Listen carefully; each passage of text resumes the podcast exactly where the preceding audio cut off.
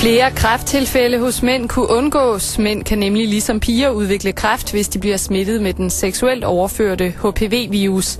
Alligevel så er det kun piger, der får tilbudt vaccinen mod den. HPV-vaccinen bliver populært kaldt for livmoderhalskræftvaccinen, men det vil faktisk også kunne redde mænd fra at få kræft i penis, i endetarmsudmundingen og i munden, siger gynekolog Christine Felding. Den figurerer alle vegne snart, den virus der. Derfor er hun ikke i tvivl om, at drenge også skal have tilbudt vaccinen. Så vi skal simpelthen sætte en stopper for den. I dag får piger under 15 tilbudt vaccinen gratis, men hos Sundhedsstyrelsen mener man ikke, at drenge skal have det samme tilbud, siger overlæge Else Schmidt. Helt generelt så har vi ikke vurderet, at alle drenge gør sig selv en tjeneste ved at lade sig vaccinere. Ifølge 24 timer koster det 80 millioner kroner om året at vaccinere pigerne, og det vil koste 80 millioner mere at få drengene med, men de penge er godt givet ud, siger Christine Felding. Det er altid et spørgsmål om prioritering. Kan man måle menneskeliv i penge?